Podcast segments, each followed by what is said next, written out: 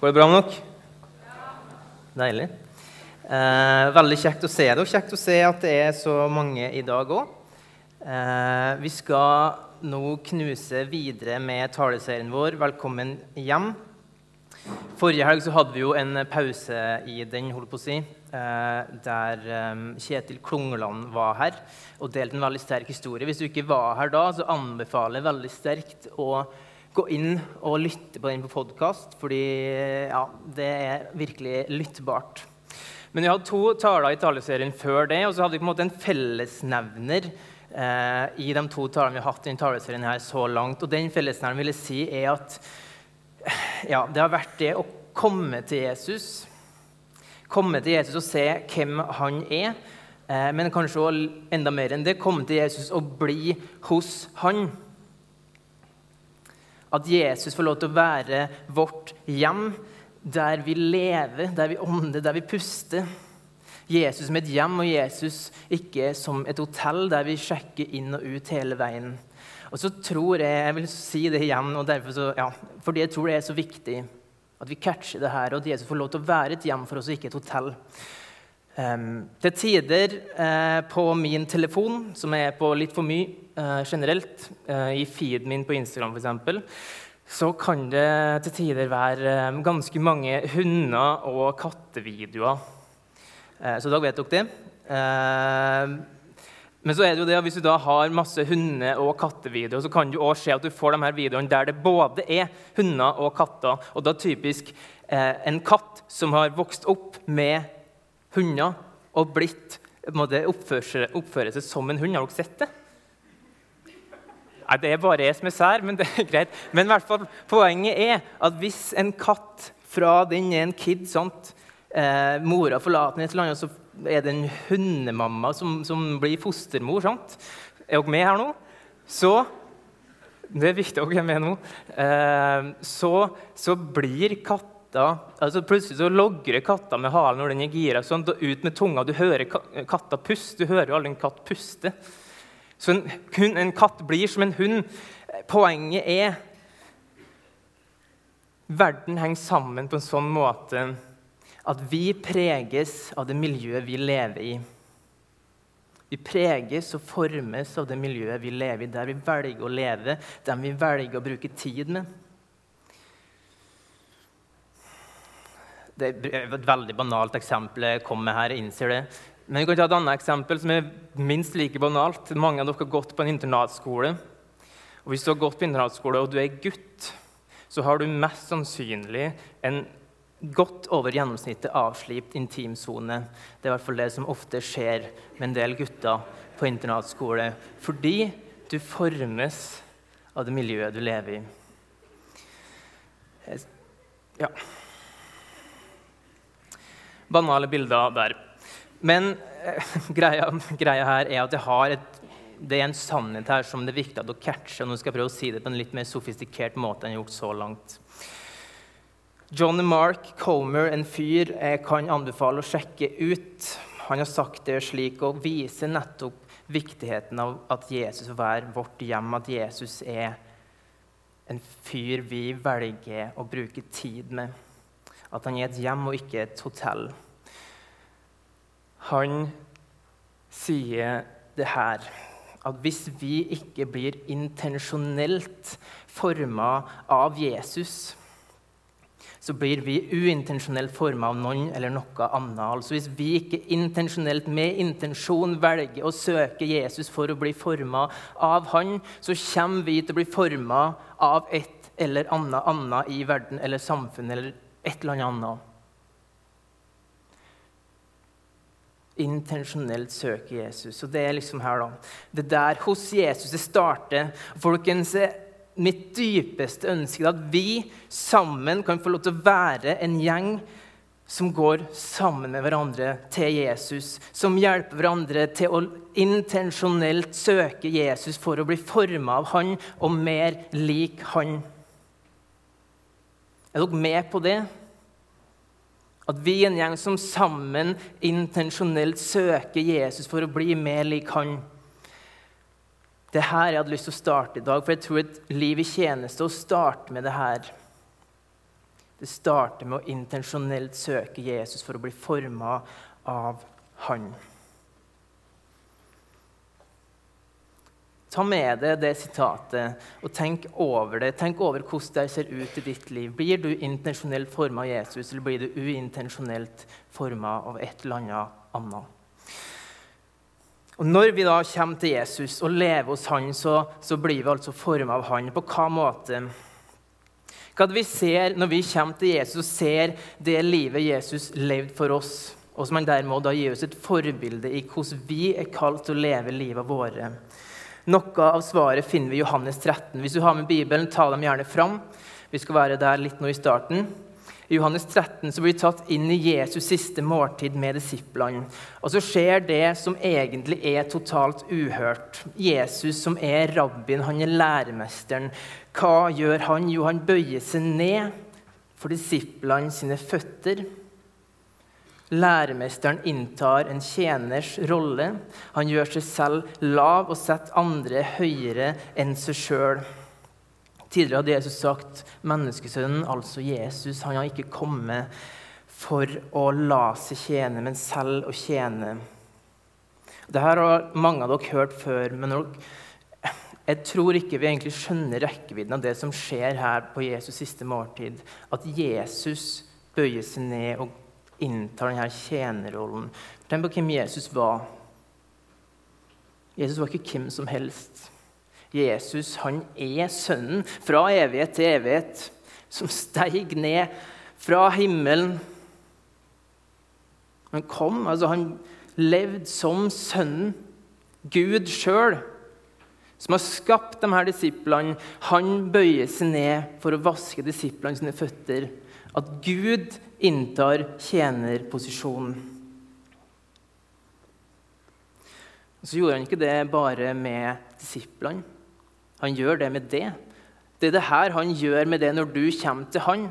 Når du kommer til han, så retter han seg ikke opp i ryggen. Han kommer ikke med pekefingeren og spør hva har du å komme med. Nei, når du kommer til Jesus, så bøyer han seg ned foran deg. Så gir han det du trenger. Han setter dine behov først. Han gjør seg sjøl liten for det. Og når han har gjort det, så sier han Forstår dere hva jeg har gjort for dere? Dere kaller meg mester og herre, og dere gjør det med rette, for jeg er det. Når jeg som er Herren og Mesteren, har vaska deres føtter, da skylder også dere å vaske hverandres føtter. Jeg har gitt dere et forbilde. Slik jeg har gjort mot dere, skal, jeg, skal også dere gjøre. Men i og med at Jesus gjør det her for det, så kan vi, vi kan lese egentlig her på en annen måte. Jesus han har vaska dine føtter samt Jesus har inntatt en tjenerposisjon for det, for å tjene det. Og så spør Jesus det nå. Forstår du hva jeg har gjort for det? Du kaller meg mester og herre, og du gjør det med rette, fordi jeg er det. Men når jeg, som er Herren og Mesteren har vaska dine føtter. Da skylder også du å vaske andres føtter. Jeg har gitt det et forbilde. Slik jeg har gjort mot det, slik skal du òg gjøre. Dette er det som møter oss når vi intensjonelt søker Jesus og blir forma av Han. Og Da vil Jesus også være et hjem å tjene i. Fordi Jesus viser oss hvordan et liv i tjeneste ser ut. Derfor sier også Paulus i Filipperne 2.: Ha samme sinnelag og samme kjærlighet. Vær ett i sjel og sinn. Gjør ikke noe av selvhevdelse og tom ærgjerrighet, men vær ydmyk og sett de andre høyere enn dere sjøl. Tenk ikke bare på deres eget beste, men også på de andres La samme sinnelag være dere som òg var i Kristus Jesus. De greiene her, det er det Jesus som har vist oss. Og det er bare én plass vi kan lære det greiene her. Det er hos Jesus. Det er bare én plass vi kan få kraft til å gjøre det der. Det er hos Jesus. Det er bare én plass vi kan se en kjærlighet som preger oss på den måten. Det er hos Jesus. intensjonelt søke Jesus for å bli forma av Han, for å leve et liv i tjeneste.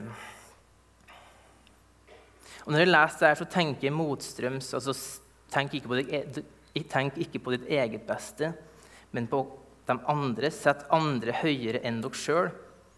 Dette er en annen saying enn det som er mantraet vi hører rundt oss i dag. Det er en annen historie. Samfunnet vil nok heller si 'sett deg sjøl høyest', slik at du kan være deg sjøl 100% eller 110% kanskje. Utfolde mest mulig, ha fokus på deg sjøl, på hva du kan oppnå. Se på hvor stor du kan bli. Lev for deg sjøl og se hvor langt du kan nå. Og så må vi stille oss spørsmålet hva er det som former oss. Er det samfunnets 'lev for deg sjøl' eller Jesu ord 'sett andre høyere enn deg sjøl'? Blir du formet av Jesus eller av samfunnet sitt karrierejag, egosentrisme, individualisme? Jeg er overbevist om at det om at det å bli forma av Jesus er det beste for oss.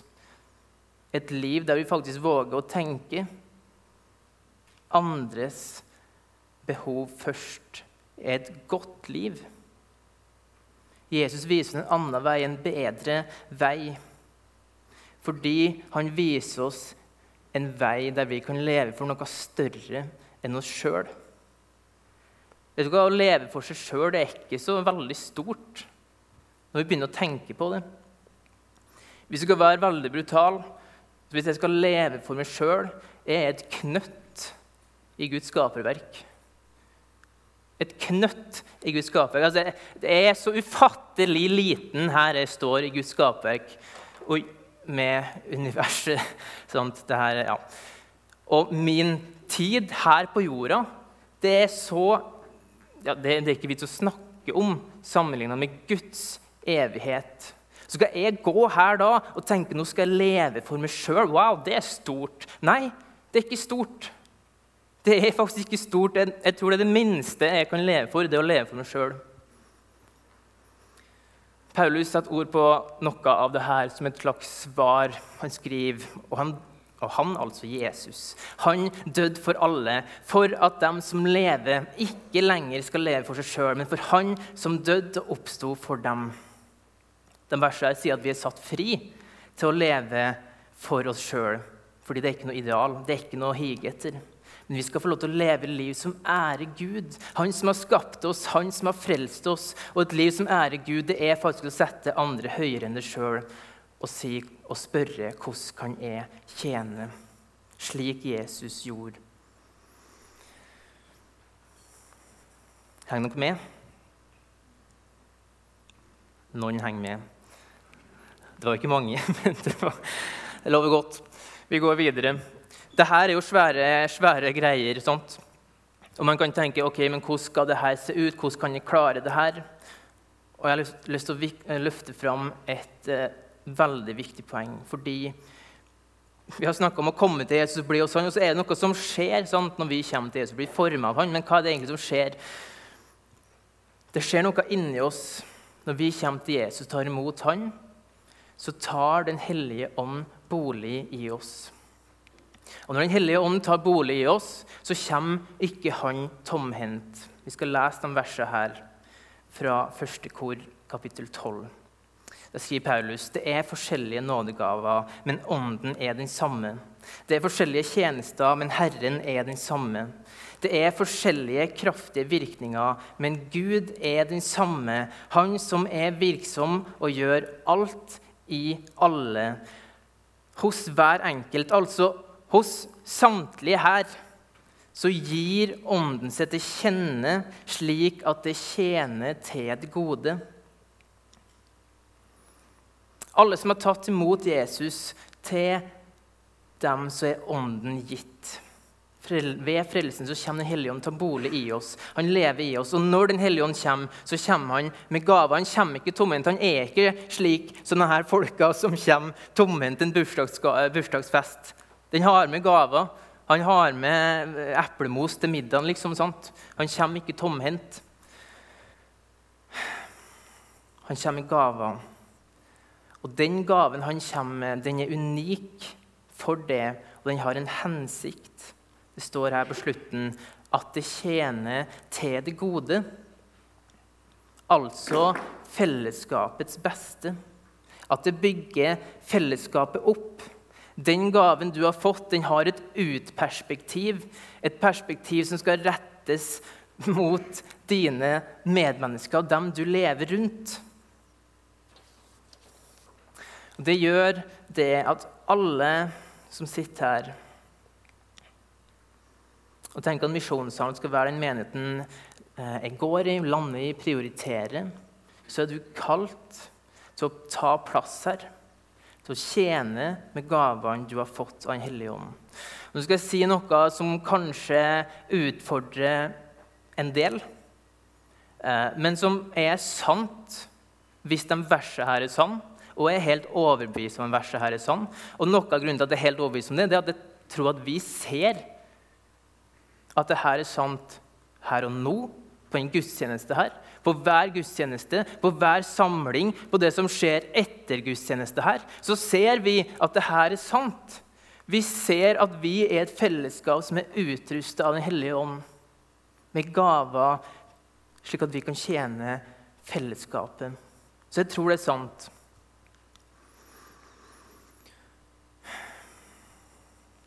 Men altså, hvis de versene her er sanne, og du sitter her med gaver fra Den hellige ånd, og så sier du nei takk Jeg vil heller være en passiv tilskuer. Jeg vil heller komme som en forbruker fremfor en som bidrar og tjener med de gavene du har fått. Så stjeler du ikke bare fra deg sjøl, men du stjeler fra oss. Du stjeler fra fellesskapet. For å si det som Matt Chandler sa det Hvordan kan vi være et vi hvis ikke du sier ja, jeg vil tjene med de gavene jeg har fått Den hellige ånd? Hvordan kan vi være et vi hvis ikke du stepper opp? Og Jeg vet at nå snakker jeg rett fram. Jeg vet at det utfordrer, men greia er at hvis den verste er sånn, så er det her sånt.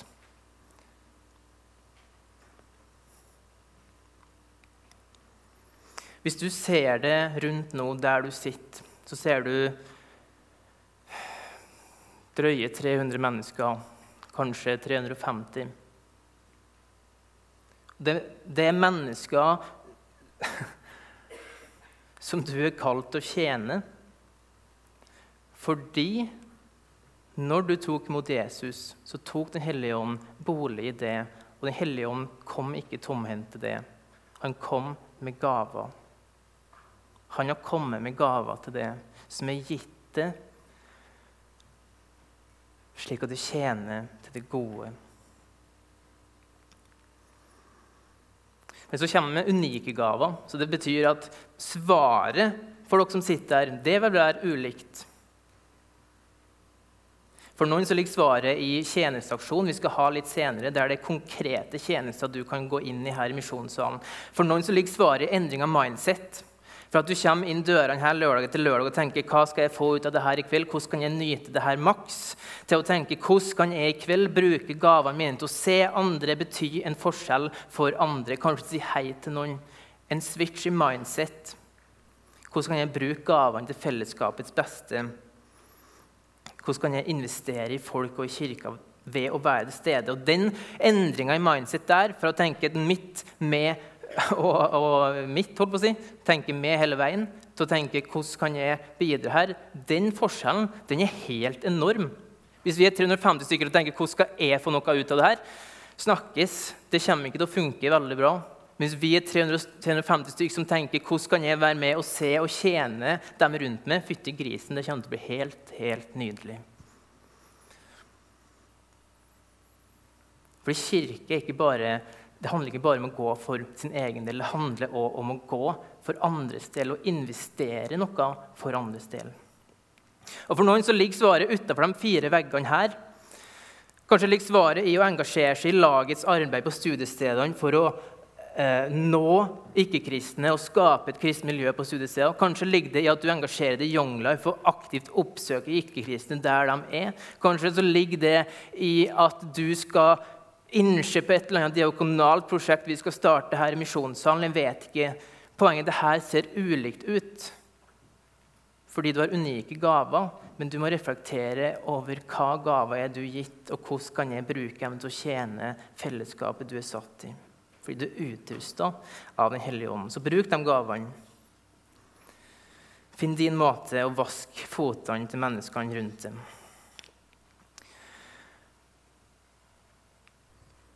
Etter korona har vi, sett, eh, ja, har vi sett en endring i dagens ung voksengenerasjon. Da jeg var ung Nå kan dere le. Yes, takk for det. Eh, men da jeg var ung, før korona, så var mange prega av det som gjerne kalles FOMO, altså fair of missing out. Vi var livredd for å gå glipp av det som skjedde, så vi måtte bare takke ja til alt i tilfelle vi gikk glipp av noe hvis vi ikke takka ja. sånt, og heng med på den. Eh, men så tror jeg det her forandret seg ganske markant. Denne FOMOen, FOMOen tror jeg har blitt endra til en FOBO, altså en fair of better options. Ja, det er noen som kjenner, kjenner seg litt igjen. Ja, det er deilig. Jeg kjenner meg veldig igjen sjøl.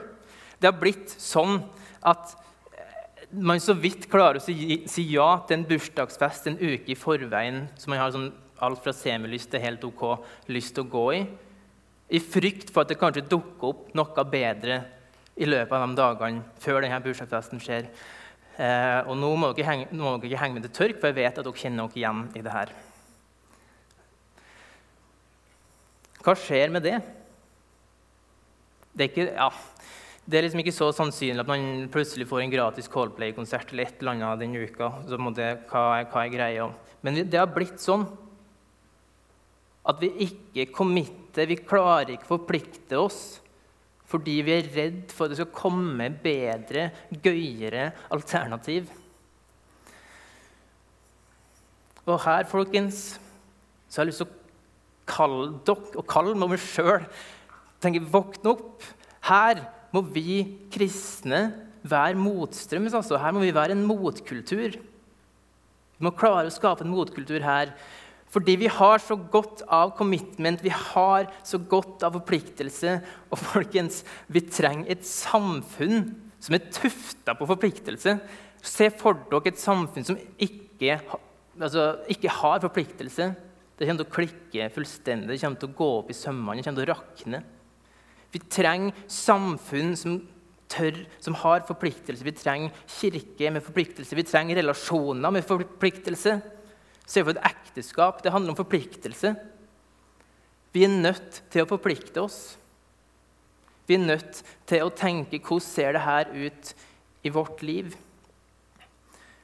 og med tanke på tjeneste, fordi det å tjene med gavene sine det innebærer forpliktelse. Sorry, men det gjør det. Men det er sunt, og det er godt. Så vil jeg at du skal våge å spørre deg sjøl hvordan funker det her i ditt liv, om du kjenner det igjen, og om det er noe du skal utfordre deg sjøl på fremover. Og spørre deg sjøl er det slik at frykten for forpliktelse hindrer det i å tjene med gavene dine. Er det slik at frykten for forpliktelse hindrer det i å tjene med gavene dine. Avslutningsvis vil jeg komme med noen oppfordringer. Dere som er her i kveld, dere lever eh, Alle bortsett fra Magnus, sorry. Eh, nei, kødda. Eh, dere som er her i kveld, dere lever i en fase av livet deres som er Nå må ikke du begynne å le for oss, for da kommer du til å knekke. Jeg har vært litt fnisete i dag. Beklager.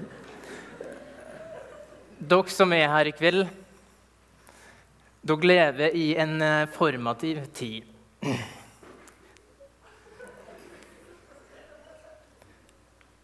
Men det som mener, det er at den retninga du setter på livet ditt nå som ung voksen, den gir fort retninga for resten av livet ditt.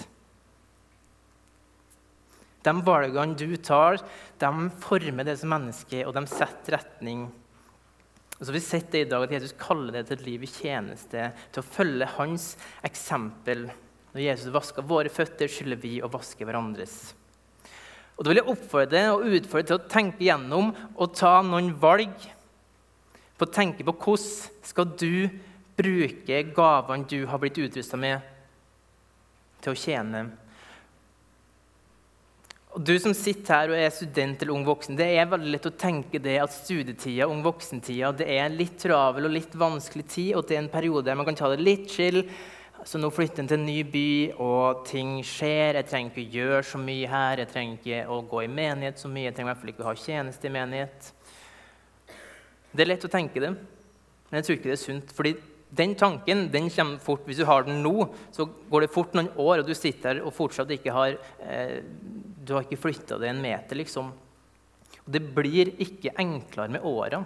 Det blir ikke enklere når du sitter der med kone, stasjonsvogn, hund og tre barn, og kanskje en katt som oppfører seg som en hund. Jeg vet ikke.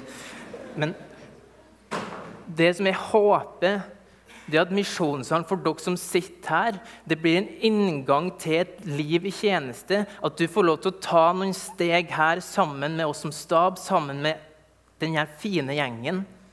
At vi tjener hverandre sammen. At vi der setter en retning og en rytme på livet som handler om hvordan kan jeg tjene. For folkens, det er bare å starte nå. Og den retninga kan bety enormt framover. Se for dere her. Det er 350 unge voksne som, som intensjonelt søker Jesus for å bli forma av han. Blir utrusta av Den hellige ånd med gaver til å tjene mennesker rundt seg. Tenk på en massiv bølge vi kan skape hvis vi våger å spørre oss hvordan ser det ut å bruke de gavene til å tjene. En massiv bølge ut dørene her, ut til landet vårt Norge om ti år, kanskje til Indonesia. At vi reiser ut som å være med og sende misjonærer.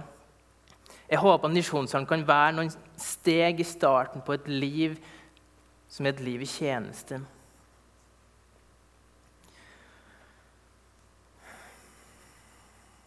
Så ikke la denne tida som ung voksen bli i en storby bli en tid der du setter et liv i tjeneste på vent. Men ta et steg, våkn opp, le for Jesus. Paulus han skrev til sin unge medarbeider Timoteus.: La Guds nådegave i det flamme opp på nytt. Jeg har lyst til å si det til dere òg. La denne nådegaven som du er gitt av Den hellige ånd, flamme opp i det, så du kan tjene. Bruk det du har fått. Og folkens, Det hele starter hos Jesus. Han som levde et liv i tjeneste for oss. Som vaska våre føtter, og som strakk ut armene sine på et kors for at du skal få lov til å være og leve hos Han. Det lureste vi gjør som fellesskap, det er å intensjonelt søke Jesus for å bli forma av Han. Vi ber sammen. Takk, gode far, for at vi får lov til å feire gudstjeneste sammen. Takk for det livet du levde for oss, Jesus, i tjeneste. Takk for at du kom for å tjene oss. Og så må du hjelpe oss å bli forma av det, Jesus, slik at vi kan få lov til å tjene menneskene vi er satt, eh, satt rundt til å, til å tjene. Gi oss visdom i å bruke gavene våre slik at det tjener til det gode. Hjelp oss å bruke gavene som vi har fått av Den hellige ånd. Takk for at du ikke kommer tomhendt, men du kommer med gaver så vi kan tjene hverandre. I ditt navn. Amen.